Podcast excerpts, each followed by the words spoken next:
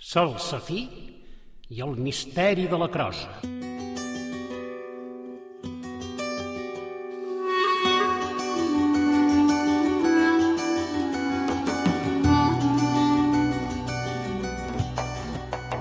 Salsafí feia dies que vagarejava per indrets on no es veia cap senyal de vida.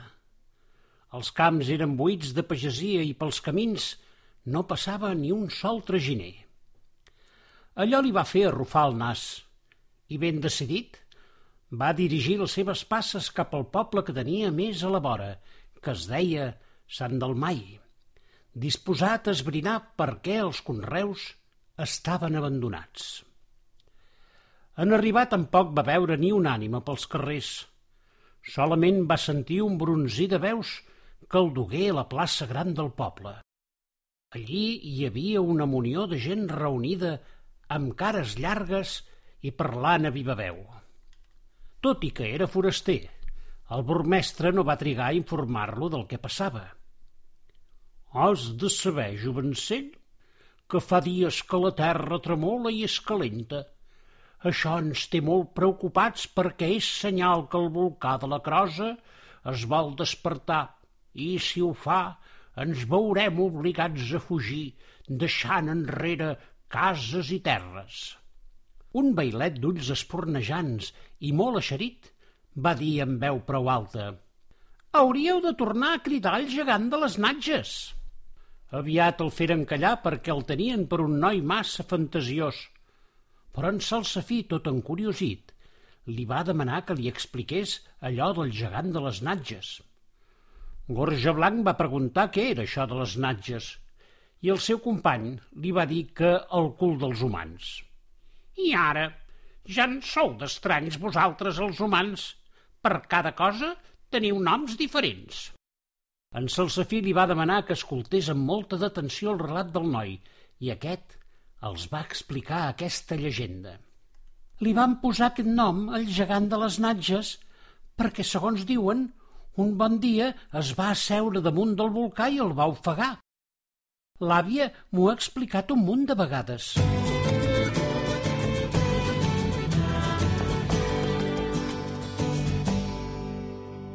Fa molt de temps, el volcà de la Crosa treia foc talment com si la terra hagués de fer un pet i s'alliberés d'un munt de pedres i fum. Una de les pedres va anar molt i molt lluny fins a arribar al país dels gegants i va aterrar just damunt del cap d'un d'ells. Enfurismat, el gegant va fer quatre gambades i es va presentar aquí mateix tot escritassant. Qui m'ha tirat una pedra? La gent, en veure'l, es va amagar, però un noiet molt valent se li va plantar al davant i li va explicar el que havia passat, que havia estat el volcà de la Crosa qui havia llançat la pedra. El gegant, que mai s'havia trobat amb ningú que li plantés cara, va quedar tot estorat i en lloc de fer cap barrabassada i cap estropell, va decidir seure damunt del volcà i així, de tal manera, el va ben ofegar.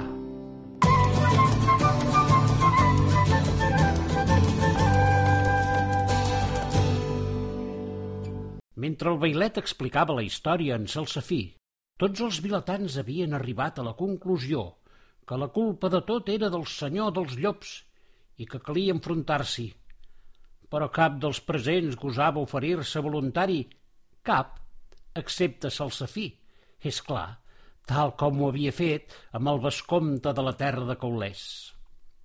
Si voleu, jo puc anar a veure aquest senyor dels llops, però m'haureu de dir on és. Estàs tocat del bolet, va dir una de les dones. Ningú hi ha gosat anar a la seva torre i ningú que hi ha anat ha tornat en vida. Mireu-la, D'aquí estant es pot veure i es pot sentir els udols dels llops. La dona assenyalava amb el dit tremolós un turó no gaire lluny de Sant Dalmai, però ni sobrevolaven ocellots ben negres. No heu de patir per mi, va dir-los en Salsafí. Tot té una raó de ser, i qui busca la raó, res li ha de passar. I ben decidit i en companyia del seu amic Gorja Blanc, van prendre el camí cap al turó, tot i que la fagina no les tenia totes, que amb els llops no era pas amiga. A mida que s'endinsava dins el bosc espasseït i llòbrega del turó, els udols dels llops es sentien més a prop. En Gorjablanc, per si de cas, es va ficar dins el serró d'en Salsafí, ja que se sabia bona menja dels llops. De cop i volta, però, els udols van callar, i en fer-se pas entre uns esbarzers, Salsafí va veure un llop atrapat en un cep i malferit. Sense pensar-ho dues vegades, va anar en el seu auxili i en acostar-se, una munió de llops el varen rodejar disposats a llançar-se al seu damunt. El llop ferit va fer un udol uh, i tots els llops s'ajagueren. Amb molta cura, en Salsafí va alliberar la pota del llop i oferint-li una de les seves llavors màgiques va dir Llavor, llavoreta, cura-li la poteta. El llop va llaminejar la llavor i en un sospir la pot era ben guarida. Què me'n direu? La resta dels llops feren estol al llop ferit i se l'endugueren, turó amunt, fins a fer-se fonadissos. Ja hi tornem, va dir en Gorja Blanc traient el cap pel serró. De desagraïts el món n'és ple. No els hi tinguis en compte, va replicar-li en Salsafí. Els llops fugen de l'home com l'home fuig del llop. Seguim el nostre camí que hem d'arribar a la torre abans no es faci de nit. Un cop a la torre, en Salsafí i Gorja Blanc es van trobar que aquell estol de llops els hi barrava el pas. No us venim a fer mal, amics. Només volem parlar amb el vostre senyor, el senyor dels llops, va dir en Salsafí. A l'instant, la llopada s'ajagué al terra i aquell llop que en Salsafí havia alliberat del cep es va plantar davant seu i per art d'encanteri es va transformar en un venerable ancià. Solament un cor generós com el teu pot ser benvingut a les nostres terres, va dir l'ancià. Permet-me que em presenti. Soc el senyor dels llops i si en res puc ajudar-te, estic al teu servei ja que tu m'has ajudat a mi. Salsafí, aleshores, li va explicar el temor dels vilatans i la creença de que els llops eren la causa del despertar del volcà. Els homes s'espanten de les coses que desconeixen i solen fer responsables dels seus temors els qui alhora temen. A nosaltres els llops sempre ens han temut. Nosaltres, en canvi, els respectem i ens defensem quan ens ataquen. El cas, però, és que jo tampoc sé la causa del despertar del volcà. Si veritablement ho vols esbrinar, caldrà que et fiquis dins seu. Aquí tens la meva pell de llop. Ella et protegirà de les flames. I on trobaré la porta del volcà? va demanar-li en Salsafí. Cal que t'endinsis a la mina nova que surt del fons del cràter fins a arribar a un estanyol subterrani. Al fons d'aquest estanyol hi ha la porta del volcà. Com arribar-hi és cosa teva. I havent dit aquestes paraules, va marxar acompanyat de tota la llopada. En Salsafí i en Gorja Blanc van davallar del turó i es dirigiren al volcà, i un cop allí s'endinsaren. I no li va costar gaire trobar l'entrada de la mina nova, car no n'hi havia cap altra de mina dins el cràter. Un cop dins, Gorja Blanc obria el camí ensumant el perill i decidint per quin corredor tirar. A la fi van arribar a l'estanyol subterrani i ben decidit en Salsafí va agafar una de les seves llavors i llançant-la a l'aigua va dir «Llavor, llavoreta, del volcà obre'm la porteta». A l'instant, l'aigua va fer un remolí talment com un embut. «Au, gorja blanc, ficant-nos dins!» «A dins? A dins de l'aigua? Però ho saps que jo de l'aigua em fujo!» I si encara només fos això, perquè ho sàpigues, al capdavall d'aquest remolí ens esperen les brases d'un volcà. Per això no tinguis por, la pell de llop ens protegirà. Millor fora, va interrompre en Gorja Blanc, que jo m'esperi aquí per ajudar-te a sortir quan tornis, que el meu pelatge és molt fi i de seguida s'encendria. D'acord, va dir en Salsafí, i clavant el gaiato al terra, fermant una corda que duia dins el serró i cobrint-se amb la pell que li havia donat el senyor dels llops, va despenjar-se pel remolí i avall. Després de davallar una bona estona per un pou que no se li veia al final, va arribar a una gran galeria plena d'estalagmites que semblaven les flames d'un gran foc. Allí s'hi estava Volcà, vetllador de les entranyes dels volcans.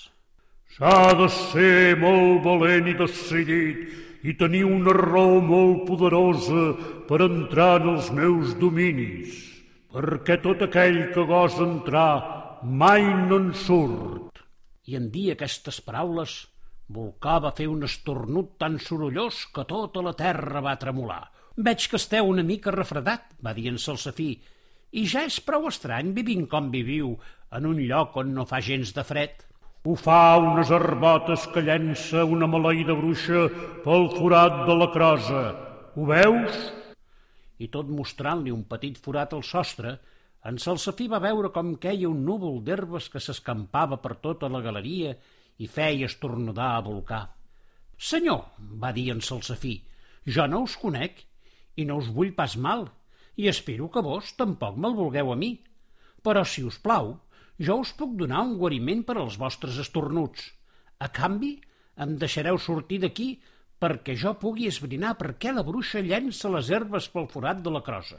Jo sóc volcà, senyor dels volcans de tota la terra, i dubto que un marrec com tu pugui tenir un remei pels meus estornuts. Et quedaràs aquí per sempre per haver acusat entrar als meus dominis. En Salsafí, però, abans que Volcà acabés de parlar, se li va acostar i en un tres i no res li van taforar dues llavors dins la seva grossa, vermella i botoruda nàpia. A l'instant el senyor dels volcans va sentir un pessigolleig insuportable que anunciava un gran estornut. En Salsafí, aleshores, tibà de la corda i s'hi aferrà ben fort, just quan Volcà va fer un gran estornut provocant un vent de mil dimonis que va empènyer Salsafí Pou amunt talment com si fos un coet.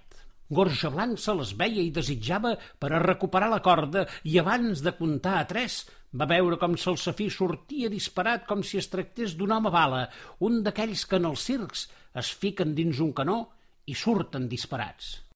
De pressa, Gorja Blanc, va dir en Salsafí, sortim d'aquí abans Volcà no ens arreplegui. I cames perquè us vull, els dos amics van desfer el camí de la mina fins a ser fora. I vet aquí que en aquell indret es van trobar una dona guarnida amb un barret negre de punta que mirava de refer-se d'una caiguda. Què us passa, senyora? va preguntar-li Salsafí. Que què em passa? Que no l'has sentit el terrabastall del volcà? A mi m'ha fet caure de cul a terra. Potser n'he fet un gra massa i he tirat massa herbes, va dir la dona.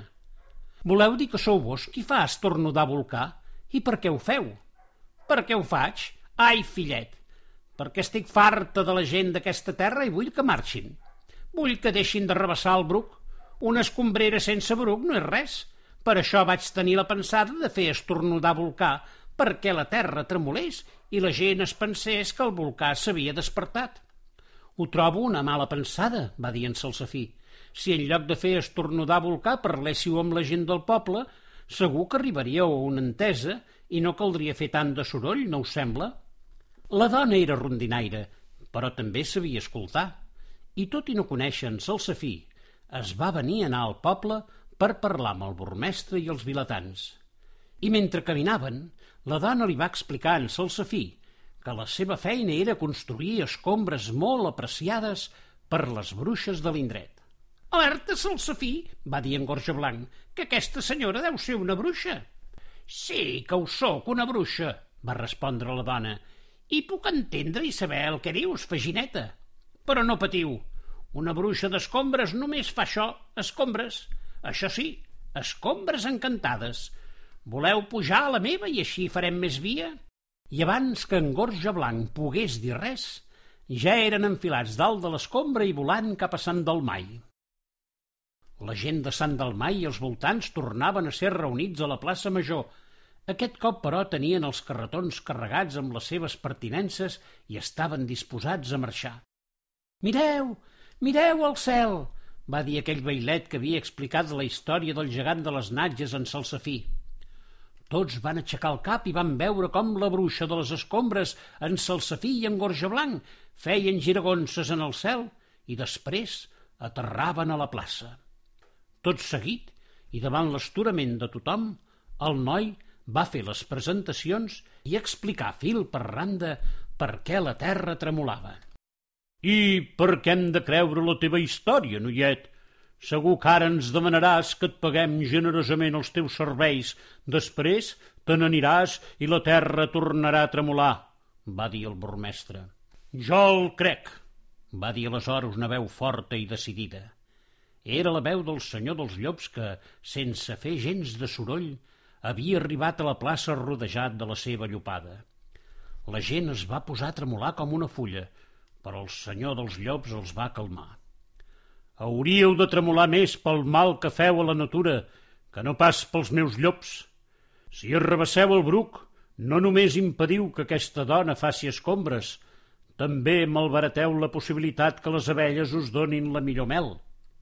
És cert, va cridar un apicultor de la contrada. El pare sempre em diu que abans la mel era més gustosa. Potser és degut que hi ha menys flors de bruc. I en poc més d'un minut altres veus es van aixecar parlant de les excel·lències del bruc. A aquella reunió també s'hi va afegir una donzella d'aigua que els va parlar de la necessitat de que, vora els rius, hi hagués bruc i joncs i vímet per a retenir el corrent de l'aigua i de la bondat de saber viure amb tot el que et rodeja, perquè tot té una escomesa en aquest món.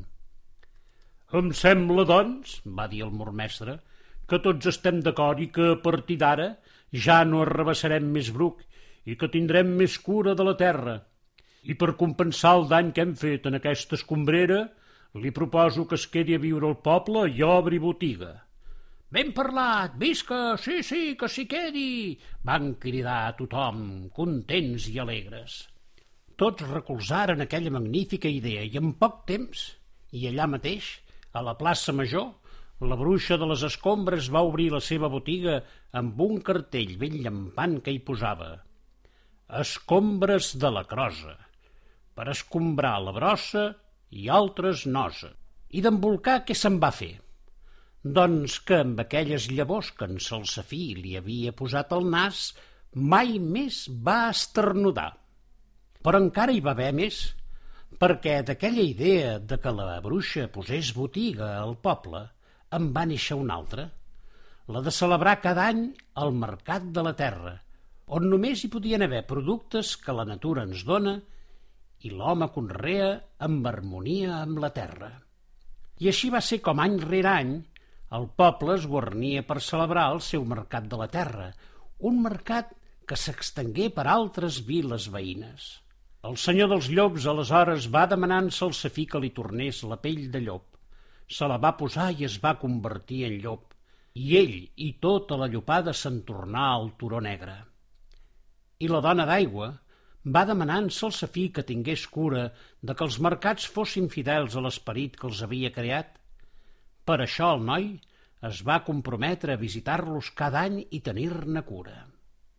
No és estrany, doncs, que si mai aneu a un mercat d'aquests que ara es fan per arreu i entre la gent hi veieu un bailet amb un gaiato acompanyat d'un gorja blanc, tingueu per segur que aquell mercat és un mercat autèntic, un mercat de la terra.